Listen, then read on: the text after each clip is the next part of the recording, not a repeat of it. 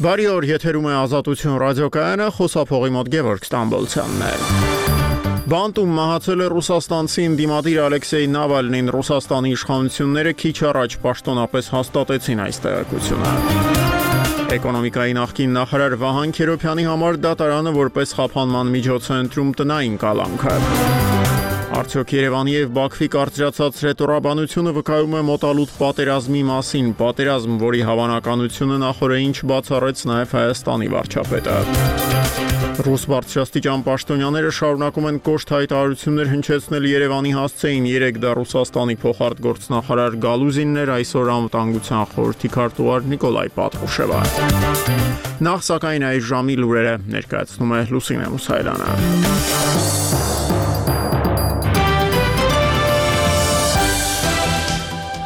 Ռուսաստանի քրեակատարողական դաշնային ծառայությունը հայտնում է ռուս ընդդիմադիր գործիչ Ալեքսեյ Նավալնիի մահվան մասին. 2024 թվականի փետրվարի 16-ին թիվ 3 ուղիչ գաղութում դատապարտյալ Նավալնին զբոսանքից հետո վատ է զգացել իրեն գրեթե անմիջապես կորցրել գիտակցությունը մահվան պատճառները պարզվում են ասված հաղորդագրության մեջ Կրեմլի կոշտ քննադատը բանտում է արդեն ավելի քան 3 տարի տարեվերջին էլ տեղափոխվել է Ռուսաստանի Յամալ Նենեցյան ինքնավար շրջանի գաղութներից մեկ 1 օգոստոսին դատարանն էլ ավելի էր խստացրել նրա պատիժը դատապարտելով 19 տարվա ազատազրկման հատուկ ռեժիմի գաղութում ծայրահեղական գործունեության մեղադրանքով մանրամասները քիչ անց Բաքուն պնդում է, որ հայկական զինուժն այսօր ժամը 12:50-ին Վարդենիսի շրջանի Կուտականում տեղակայված դիրքերից կրակ է բացել ադրբեջանական դիրքերի ուղությամբ հայկական կողմը հերքել եւ ապատեղեկատվություն է որակել ադրբեջանի պաշտպանության նախարարության հայտարարությունը էկոնոմիկայի նախարարության առնչվող քրեական գործով անցնող Վահան Քերոփյանի նկատմամբ խափանման միջոց ընտրվեց տնային կալանքը էկոնոմիկայի նախկին նախարարն իրեն առաջադրված մեղադրանքը չի ընդունում միաժամանակ հայտարարել է գործում քաղաքական ենթատեքստ չի տեսնում վարչապետ Նիկոլ Փաշինյանը Գերմանիայում մասնակցելու է Մյունխենի անվտանգության համաժողովին սպասվում են նաև երկկողմ հանդիպումներ արտերկրի գործընկերների հետ վարչապետի գրեսենյակը սակայն չի հստակեցրել նախատեսված է արդյոք հանդիպում Ադրբեջանի նախագահի հետ Մյունխեն են մեկնել նաև Հայաստանի պաշտպանության արտաքին գործերի նախարարները։ Արեմուտքը փորձում է ապակայունացնել իրավիճակը հարավային Կովկասում միջամտել հայ-ադրբեջանական կարգավորման գործընթացին, ինչը հանգեցրել է իրավիճակի սրմանն այս շրջաններում, այս մասին հայտարարել է Ռուսաստանի անվտանգության խորհրդի քարտուղար Նիկոլայ Պատրուշևը։ Ուկրաինայի զինված ուժերում զինամթերքի բացակայության պատճառով Դոնեցկի շրջանի Ավդեևկա քաղաքում ճգնաժամային իրավիճակ է, հնարավոր է քաղաքն անցնի ռուսական վերահսկող հսկողության տակ նման հայտարարությամբ է հանդես եկել Սպիտակ տան ազգային անվտանգության խորհրդի ռազմավարական հաղորդակցությունների համակարգող Ջոն Քիրբին։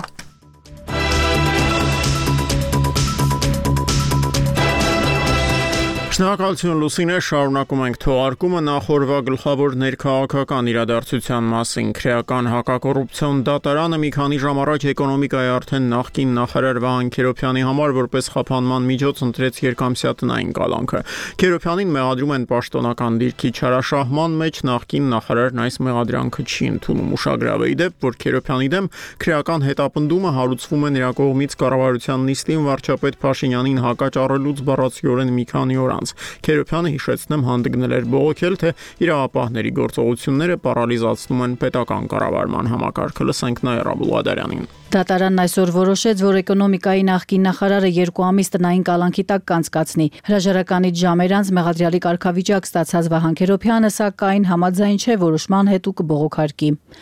Ասացի արդեն այո, ու եկեք վերջացնենք։ Նախկին նախարարը տնից դուրս գալու իրավունք չունի, չի կարող զանգել, զանգեր ստանալ, հյուրեր ընդունել։ Որի ընթացքում արգելել մեղադրյալին իր փաստացի բնակության վայրում հյուրընկալել եւ շփում ունենալ այլ անձանց հետ, արգելել ունենալ հերախոսային խոսակցություններ բացառությամբ շտապ բժշկական օգնության իրավապահ մարմինների կամ արտակարգ իրավիճակներում փրկարար ծառայության կանչելու, ինչպես նաև վերահսկողություն իրականացնող մարմնի հետ կապ հաստատելու դեպքում արգելել մեղադրյալին ունենալ նամակագրություն օգտվել հաղորդակցության այլ ձևերից։ Կառավարության նիստում նույն գործով մեղադրվող իր ենթականերին հրաապարակավ պաշտպանելուց հետո պաշտոնակարված ու 1 օր անց ձերբակալված էկոնոմիկայի նախկին նախարարին մեղադրում են պաշտոնական լիազորությունների չարաշահման համար։ Փաշինյանի կաբինետում 4 տարի աշխատած Քերոփյանը եւս 4 ենթակաների հետ անցնում է սիներգիի գործով։ Ըստ քնչականի պետք է ստեղծվեր հանրային ներդրումային ծրագրերի բանկ։ Դրա համար հայտարարված մրցույթում երկու ընկերություններ են հայտ ներկայացրել՝ Սիներգին ու Հարմոնիան։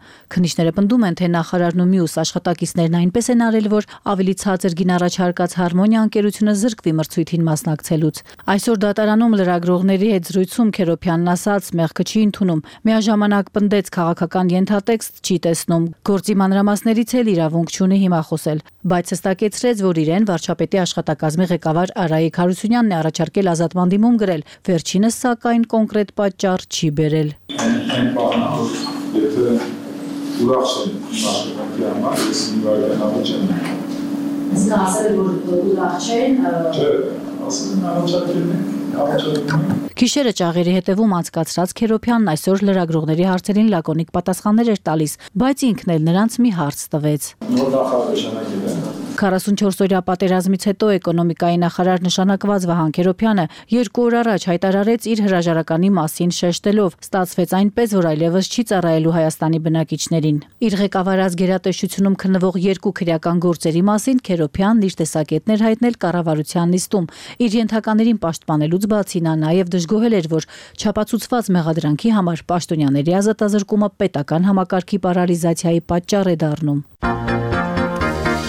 Լուրերի թողարկման ընթացքում արդեն լսեցիք, որ ադրբեջանական կողմը կրկին հաղորդել է սահմանին հնչած գրակոծների մասին, այս անգամ Վարդենիսի ուղությամբ Հայաստանի պաշտպանության նախարարությունը հերքել է այդ տեղեկությունը։ Սահմանին սակայն իրավիճակն ակնհայտորեն սրվում է եւ դա տեղի է ունենում Բաքվից եւ Երևանից հնչող հայտարարությունների կարծրացման ֆոնին, եթե 1-1.5 ամիս առաջ կողմերը նախ եւ առաջ պաշտոնական Երևանը խոսում էին խաղաղության պայմանագրի մոտալուտ ստորագրման մասին, ապա այսօր այս թեման ըստ ամենայնի կարելի է փակված համարել ստացել գոնե առժամանակ։ Դա པարզ դարձավ 3 կառավարության նիստի ժամանակ, երբ ամիսներ շարունակ խաղաղության օրակարգերի ու խաչմերուկների մասին խոսող վարչապետ Փաշինյանը չբացառեց ադրբեջանական հերթական հարցակումը, որը եթե իրականություն դառնա, կլինի 4-րդը նրա պաշտոնավարման ընթացքում։ Աստղիկ Բեդևյանին լսենք։ Քաղաքագետները տարակարծիք են, թե Երևանի եւ Բաքվի միջև ներքին հանդի դեպքերից հետո սկսած քաղաքական կոշտ փոխհրաձգությունը կարող է հանգեցնել լայնածավալ պատերազմի։ Կառավարության Երևանի նիստում անձամբ վարչապետ Փաշինյանը չբացառեց, որ Ադրբեջանը կարող է Հայաստանի դեմ նաեւ պատերազմ սկսել։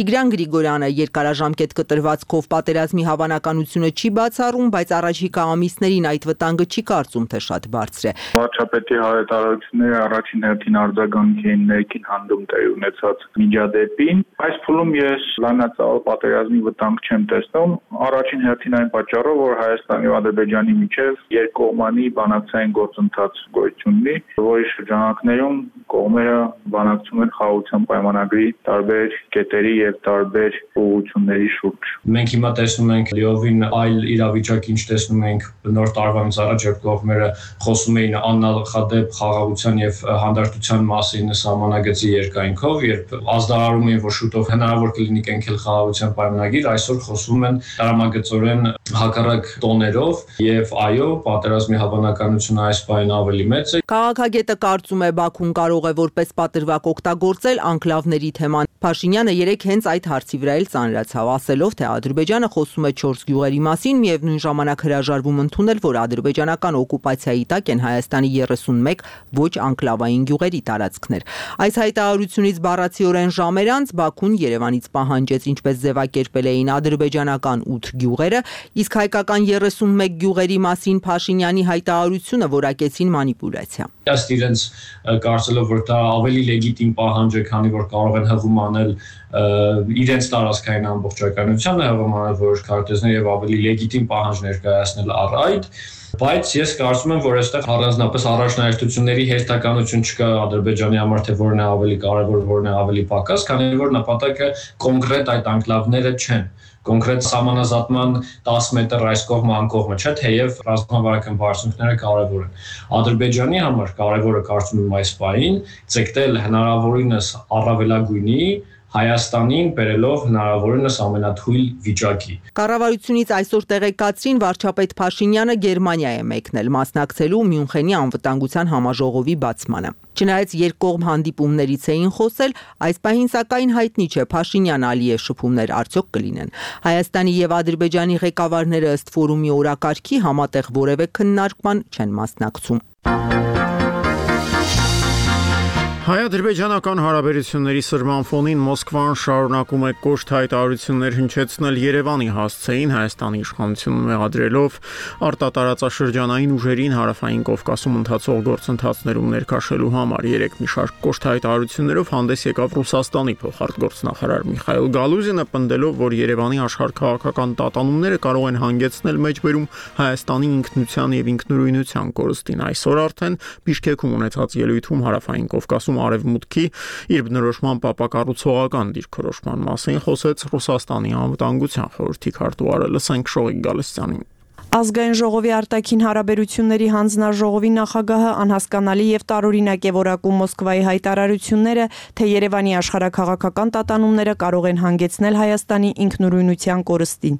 Երեք Իզվեստիայի հետ հարցազրույցում նման պնդում էր արել Ռուսաստանի փոխարտգործնախարար Միխայել Գալուզինը։ Հայաստանը իր բազմաթիվ գործընկերների հետ է փորձում հարաբերությունները խորացնել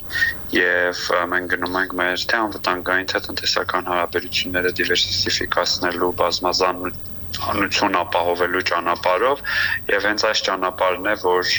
կնպաստի Հայաստանի անվտանգության ապահովմանը, անկախության եւ ինքնիշխանության ապահովմանը։ Ռուսաստանի նախագահի հնարավոր ձերբակալության մասին Փաշինյանի մեկնաբանությունից հետո, թե Հայաստանում բոլոր որոշումներն իրավապահներն են կայացնում, Ռուսաստանից նախ հայտարարեցին, թե Պուտինի հնարավոր այցը Հայաստան պետք է քննարկեն հայ գործընկերների հետ։ Ապա հաճախակի դարձան կոչերը կողմնորոշվելու հավաքական անվտանգության պայմանագրի կազմակերպ կազմակերպության հետ հարաբերությունների հարցում։ Часто э, звучат, так сказать, утверждения, что э, ОДКБ, Россия – могут потерять Армению вот в такой ситуации, как Հաճախ են բնդումներ հնչում, որ ստեղծված իրավիճակում ՀԱՊԿ Ռուսաստանը կարող են կորցնել Հայաստանը։ Կարծում եմ, որ մենք պետք է խոսենք ոչ թե Ռուսաստանի կամ ՀԱՊԿ-ի հավանական կորուստների, այլ այն մասին, որ մի կողմից արևմտյան գործոններով հրապուրվելը, մյուս կողմից տատանումները, արդյոք պետք է լքել ՀԱՊԿ-ը թե ոչ, կարող են հանգեցնել Հայաստանի ինքնության եւ ինքնուրույնության կորստին։ Могут привести и к утрате Армении своей идентичности, утрате Армении своей самостоятельности. Երևանը ամենաբարձր մակարդակով քննադատում է ՀԱՊԿ-ին պայմանագրային պարտավորությունների ձախողման համար։ Չնայած Հայաստանի դիմումներին ՀԱՊԿ-ը ոչ միայն ռազմական օգնություն չտրամադրեց Հայաստանին ադրբեջանական հարձակումների ժամանակ, այլ նաև քաղաքական գնահատական չտվեց Բաքվի գործողություններին։ Դրանից հետո Երևանը թեև չի լքում ռազմական դաշինքը, սակայն բոյկոտում է կազմակերպության նիստերը։ Ռուսաստանի փոխարտգործնախարարը երեք կոչ է արել վերադառնալ քննարկումների, պնդելով թե ՀԱՊԿ-ի մեխանիզմին որևէ գրավե այլընտրանք չի նշмарվում։ Արտաքին հարաբերությունների հանձնաժողովի նախագահ Սարգիս Խանդանյանն ընդգծում է. հապկն է, որ պետք է դիրքորոշում հայտնի, թե ինչպես է պատրաստվում հարաբերվել Հայաստանի հետ։ Այդ ընտրությունը կանգնած է ոչ թե Հայաստանի առաջ, այլ հապկի առաջ, եւ Հայաստանը շատ հստակ իր դիրքորոշումը հայտնել է հապկի հետ հա, իր հարաբերությունների վերաբերյալ եւ ապատանշել են բոլոր խնդիրները եւ անհանգստությունները, որ մենք ունենք Հայաստանի իշխան տարածքի նկատմամբ հարձակումից հետո, երբ ուսումնասիրել եւ դիտարկել են կապկի գործողությունները կամ գործողությունների բացակայությունը Հայաստանյան իրադարձություններին դեռ կվերադառնանք այժմ էլ վերջին ժամվա գլխավոր համաշխարային նորության ռուսաստանյան ընդդիմության առաջնորդ Ալեքսեյ Նավալնու մահվան մասին. Նավալնին 2020 թվականին տեղի ունեցած թունավորման փորձից հետո հեռացել էր երկրից եւ բուժվում էր Գերմանիայում 2021-ի հունվարին սակայն նա վերադարձավ Ռուսաստան շատ լավ հասկանալով որ կհայտնվի ճաղերի հետևում 3 տարի Ռուսաստանի հյուսիսում գտնվող գաուտներում անցկացնելուց հետո 47-ամյա անդիմադիր գործիչը հեռացել է կյանքից Նրա մահվան պատճառների մասին առայժմ չեն հաղորդում, լսենք Արմեն Քոլյանին։ Хочу сказать, у вас не получится запугать. На самом деле мы большинство. Դուք մեզ չեք վախեցնի, դուք մեզ չեք ահաբեկի։ Սա էր Ալեքսեյ Նավալնիի բազմաթիվ ելույթներում առանցքային թեզերից մեկը։ Те десятки миллионов людей, которых обокрала эта власть, не удастся запугать. Ռուսական աղբյուրների փոխանցմամբ Յամալ Նենեցյան ինքնավար օկրուգում գտնվող քրեակատորողական հիմնարկում վախճանվել է Ռուսաստանի ընդդիմության լիդեր Ալեքսեյ Նավալնին։ Թե ինչ հանգամանքներում է մահացել շինծ ու մեղադրանքներով բանտարկված ընդդիմադիրը դեռևս հայտնի չէ։ Նախագահ Վլադիմիր Պուտինի խոսնակ Դմիտրի Պեսկովն այսօր ասել է, թե դաշնային քրեակատորողական ծառայությունը պետք է անցկացնի բոլոր ստուգումները եւ դա լրացուցիչ հրահանգներ չի պահանջում։ Պեսկովն ասել է, որ ինքը տեղեկություն չունի Նավալնիի մահվան պատճառների մասին։ Բժիշկները պետք է ողրզեն, ասել է Պեսկովը։ Վերջին լուրը Նավալնիի մասին օրերս էր հաղորդվել, երբ հայտնի էր դարձել, որ Նավալնին 27-րդ անգամ ուղարկվել է պատժախուց։ Նավալնին 2023 թվականի դեկտեմբերից պատիժը կրել է Յամալում Բևերային գալ անվամբ խիստ ռեժիմի գաղութում։ Այնտեղ պայմանները հատկապես խիստ են։ Բանտարկյալին չեն տալիս անկողնային պարագաներ, արգելվում են տեսակցություններ, հերոխոսազրույցներ։ Նա չի կարող դրսից հանձնուկ ստանալ, զբոսնել կամ տեղական կրպակից որևէ բան գնել։ Նավալնի աջակիցները դեռամիսներ առաջ են ասել, որ նրան Յամալ ուղարկելը հավասարազոր է մահապատժի։ 2023 թվականի օգոստոսին Մոսկվայի քաղաքային դատարանը Նավալնիին դատապարտել է 19 տարվա ազատազրկման, մեղավոր ճանաչելով ծայրահեղական քաղաքական կազմակերպություն ստեղծելու եւ ֆինանսավորելու եւ ծայրահեղական կոչեր հնչեցնելու համար։ Նավալնիի ստեղծած կոռուպցիայի դեմ պայքարի հիմնադրամը բազմիցս է բացահայտել Պուտինի եւ նրա մերձավոր շրջապատի կոռուպցիոն գործերը։ Նավալնին բազմիցս է խոսել Պուտինի ռեժիմի մասին։ Ահա նրա գնահատականներից եւս մեկը։ Вот эта вот банда воров, которая просто 20 лет разграбляющую страну, она сказала мне, ну и в моем лице все, в моем лице всем, кто отказывается молчать, что Սա ավազակախումբ է։ Այն ինձ ասել է. մենք քեզ թունավորեցինք, դու չմեռար, մենք քեզ բանտ կնետենք։ Мы тебя пытались убить, ты не умер, оскорбил нас этим, поэтому мы тебя за это посадим. Ուկրաինայի արևելքում գտնվող Ավդիևկա քաղաքում իրավիճակը շարունակում է խիստ ծանր մնալ եւս տարևմտյան մի շարք աղբյուրների այստեղ կռվող ուկրաինական զորքերի համար իրավիճակը վերջին 24 ժամերին էլ ավելի է վատ թերացել։ Ավդիևկայի ուղությամբ հարձակվող ռուսական զորքերին հաջողվել է վերահսկողություն սահմանել մի շարք ռազմավարական կարևորության ճանապարհների հանդեպ, ինչի հետևանքով քաղաքի ուկրաինացի պաշտպանների մի մասը հայտնվել է լիակատար շրջապատման մեջ։ Ուկրաինական իրադարձությունների մասին առավել մանրամասն պատմի Ազաբաբյանը։ Ավդիևկայի մեծ մասից ուկրաինական բանակի դուրսբերման մասին պաշտոնական հայտարարություններ դեռ չկան, սակայն եւ ռուս եւ ուկրաինացի ռազմական բլոգերները գրում են, որ այն բանից հետո, երբ ռուսներն այս շաբաթ կտրեցին մատակարարման հիմնական ուղին, ուկրաինական զինված ուժերի ստորաբաժանումներն աստիճանաբար դուրս են գալիս ավերված քաղաքից։ Այստեղ կրվող 3-րդ բրիգադի հրամանատարի տեղակալ Ռադիոն Կուդրյաշովը ասում է, թե ուկրաինական զինվորականների մի մասը շրջափակման մեջ է։ Є в деяких відрізках ситуація критична։ Որոշ տեղերում իրավիճակը կրիտիկական է։ Կան տեղեր, որտեղ մեր զինվորները ամբողջությամբ շրջափակման մեջ են։ Կան տեղեր, որ մասամբ, սակայն գրոհային գործողություններով շրջափակումից դուրս գալու հնարավորություն կա։ Штурмових дій. В принципі, в нас на сьогодні це виходить։ Դոնեցկի մարզի Ավդիևկայում ճգնաժամային իրավիճակ է ստեղծվել եւ քաղաքը կարող է անցնել ռուսների վերահսկողության տակ։ Երեք երեկոյան հայտարարել է Սպիտակ տան ներկայացուցիչ Ջոն Քիրբին։. Ցավոք մենք ուկրաինացիներից հաղորդումներ ենք ստանում, որ իրավիճակը կրիտիկական է եւ ռուսները շարունակում են ամեն օր ճնշում գործադրել ուկրաինական դիրքերի վրա։ Ավդիևկան ռուսական վերահսկողության տակ անցնելու վտանգի տակ է,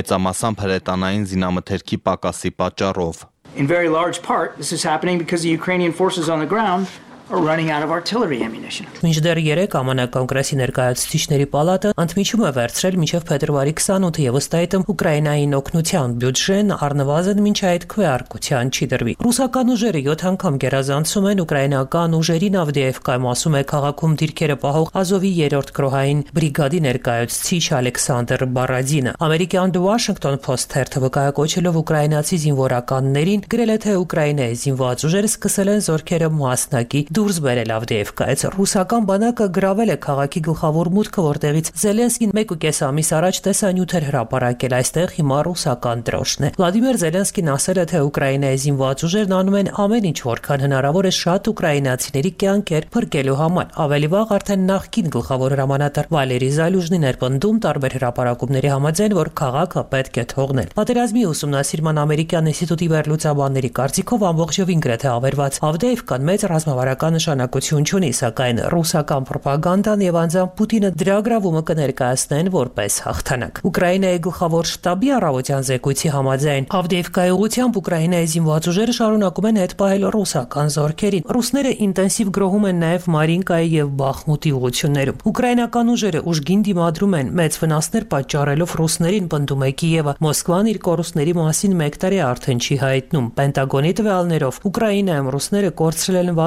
60000 զինվոր զոհված, մոտ 300000 էլ վիրավոր, գրում է The New York Times-ը։ Մեդիազոնայի եւ BBC-ի գնահատականներով փետրվարի 2-ի դրությամբ մահացել է 43460 ռուս զինվորական ում անունները հայտնի են։ Ազաբաբայան ազատություն ռադիոկայան։ Գազայի հատվածում մարտական գործողությունները շարունակվում են Իսրայելի բանակը շարունակում է հարձակումը դեպի հարավ ստամենայինի արդեն առաջիկա օրին կմեկնարկի լայնածավալ գրոհը Եգիպտոսի հետ սահմանին գտնվող Ռաֆահի ուղությամբ միջազգային կազմակերպությունները չեն բացառում որ Իսրայելյան հարձակումը կարող է հանգեցնել վերջին տարիների ամենալայնածավալ մարդասիրական աղետներից մեկին չէ որ ընդամենը մի քանի քառակուսի կիլոմետրի վրա ավելի քան 1.5 միլիոն մարդ է կուտակվել Հրաչ Մելքումյանն է ներկայացնում մանրամասները Իսրայելի բանակը այսօր տեսանյութ է հրապարակել պնդելով, թե հարվածել է Համասի օպերատիվ հրամանատարական կենտրոններին։ Հրադադար հաստատելու բանակցություններում որևէ արդյունք չկա, դրանք կարծես փակուղի են մտնում։ Իսրայելի վարչապետ Բենյամին Նեթանյահուն կտրուկ դեմ է արտահայտվել պատերազմից հետո պաղեստինցիների ապագայի վերաբերյալ ԱՄՆ-ի մոտեցումներին, հատկապես Պաղեստին պետություն ստեղծելու դեմ։ Միացյալ Նահանգների նախագահ Ջո Բայդենի հետ անցած գիշերը կայացած հեռախոսազրույցից հետո Նեթանյահուն X սոցցանցում գրել է, որ Իսրայելը չի ընդունի պաղեստինցիների հետ մշտական կարգավորման միջազգային թելադրանքը։ Սպիտակ տան հաղորդագրության համաձայն Բայդենը Նեթանյահուին ասել է, որ նա չպետք է ռազմական գործողություն ձեռնարկի Ռաֆահում առանց պաղեստինցի խաղաղ բնակիչներին պաշտպանելու արժանահավատ եւ իրագործելու պլանի։ Նրանք անդրադարձել են նաև պատանների վերաբերյալ շարունակվող բանակցություններին, Բայդենը խոստացել է շարունակել շուրջօրյա աշխատանքը օգնելու, որ նրանք ազատ արձակվեն։ Շաբաթվա ընթացքում սա Բայդենի եւ Նեթանյահուի երկրորդ հեռախոսազրույցն էր։ Գազայի հատվածում պատերազմը արդեն ավելի քան 4 ամիս շարունակվում է։ Անցած հոկտեմբերի 7-ին Համասը, որը ԱՄՆ-ն եւ Եվրամիությունը ճանաչել են ահաբեկչական կազմակերպություն, հարձակվեց իսրայելական բնակավայրերի վրա։ Իսրայելը հաղորդել է իր կողմից 1200 զոհի մասին, իսկ Գազայի հատվածում զոհերի թիվը անցել է 28500-ը։ Սակայն Համասի վերահսկողության տակ գտնվող Գազայի Գազայի հատվածի տեղեկատվության արժանահավատությունը անկախ աղբյուրներից հնարավոր չէ ճշտել։ Իսրայելը պնդում է, որ Համասը դեռ իսրայելցի 100 պատանդ է պահում եւ նրանց հայտնաբերելու նպատակով 3 գործողություն է իրականացրել Գազայի հատվածում գործող ամենախոշոր հիվանդանոցում։ Նախորդին իսրայելցի զինվորականները քանդելով Խան Յունուս քաղաքի Նասեր հիվանդանոցի ցանկապատի մի մասը հիվանդանոցի շենք են մտել պատանդներ հայտնաբերելու նպատակով։ Համասը Իսրայելին մեղադրում է կեղծիքի մեջ, պնդելով, որ բուժանձնակազմից եւ հիվանդներից բացի այնտեղ ապաստանել էին պատերազմից փախած հազարավոր պաղեստինցիներ։ Իսրայելցի զինվորականները նրանց ստիպել են դուրս գալ հիվանդանոցից, իսկ հիվանդանոցը վերածվել է զորանոցի, պնդում են Համասի ներկայացուցիչները։ Մինչ հիվանդանոցի շենք մտնելը իսրայելցի զինվորականները այն 3 շաբաթ շրջափակված էին պահում վերահսկելով բոլոր մուտքերը եւ ելքերը։ Գազայի առողջապահության նախարարի ասելով հիվանդանոցում շուրջ 300 բուժանձնակազմ կար եւ 450 հիվանդներ եւ վիրավորներ։ Նրանց ստիպել են տեղափոխվել հին մասնաշենք, որտեղ սարքավորումներ չկան, իսկ այնտեղ ապաստանած շուրջ 10000 պաղեստինցիներ շարժվում են դեպի Ռաֆահ քաղաք։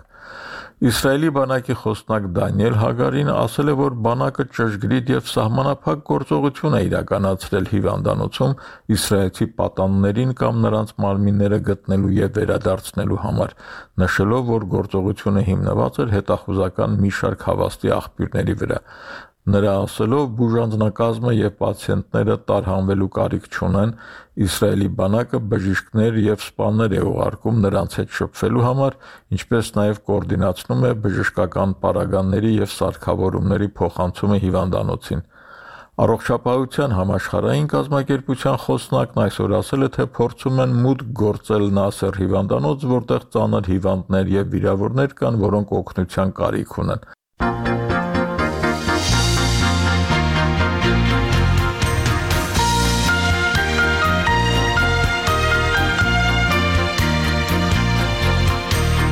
Եվ կրկին վերադառնանք Երևան այսօր երրորդ նախագահ Սերժ Սարգսյանի գործով հերթական դատական նիստներ նախկին նախագահային հիշեցնեմ մեղադրում են գյուղական տնտեսություններին վառելիք մատակարարելու ընթացքում խոշոր յուրացումներ կատարելու մեջ այլ հարցը որ դատախազությունը պահանջելով Սերժ Սարգսյանին եւ գործով անցնող մյուս մեղադրյալներին մեղավոր ճանաչել մյուս կողմից կոչանում ազատել նրանց պատժից քանի որ գործի վաղեմության ժամկետը արդեն իսկ անցել է Սերժ Սարգսյանն այսօրվա դատական նիստին ներկա էր եւ օգտվելով առիթից դրա վերջում խոսել է վերջին իրադարձությունների, մասնավորաբար Ադրբեջանի հետ կապված վերջին զարգացումների մասին։ Ալիևը չի ակնարկում։ Ալիևը մի քանի անգամ եւ առաջի անգամ երկու տարի առաջ այդ մասին խոսել, պահանջել եւ չեմ կարծում, որ այս պարագայում Հայաստանի կառավարիչների կողմից ժամանակ շահելը այլ նպատակ ունի, քան իրենց իշխանությունը երկարաձգելը։ Եթե այս մարդիկ 3.5 տարվա ընթացքում չեն հասցրել կահավորել մեր առաջնագիծը, ապա այդ ժամանակը իրանց համար ինչ պետք է ինչ նորություն պետք է բերի։ Միգուցե իրանց թվում է թե ինչ որ հրաշք տեղի կունենա, որ Ադրբեջանը իր պահանջների հետ կքաշի եւ այլն։ Չի կարող այդպեսի բան լինել, որովհետեւ նորից դի կրկնեմ, որ կապիտուլյացիան ուղակի սպանում է կապիտուլյացվողի կամքը։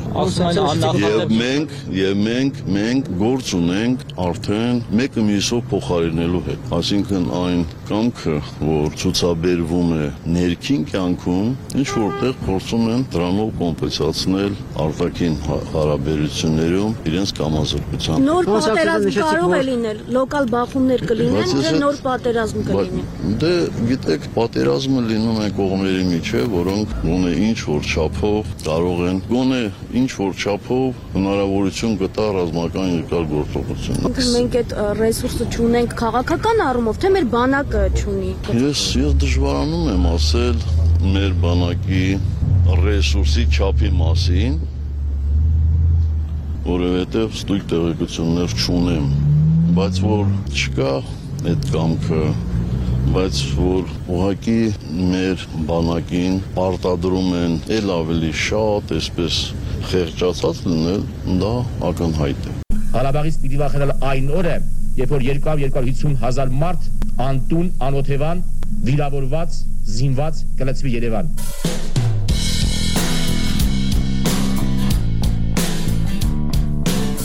Ղարաբաղի հարցը մեր ժողովուրդը արդեն լուծել է Արցախը երբեք չի լինելու Ադրբեջանի կազմում եւ այս խնդիրը չունի ռազմական լուծում։ Եկեք դադարեցնենք այս բանը, հա, ինչ եք բանակցում։ Ինչ որ պետք է անենք, բանակցում ենք։ Կյանքը ցույց կտա, թե ով ինչ է արել Արցախի համար եւ ով է իրականում ծախում այն։ Նորագույն պատմություն։ Երրորդ հանրապետությունն ազատության աչքերով։ Արցախը Հայաստան է եւ վերջ։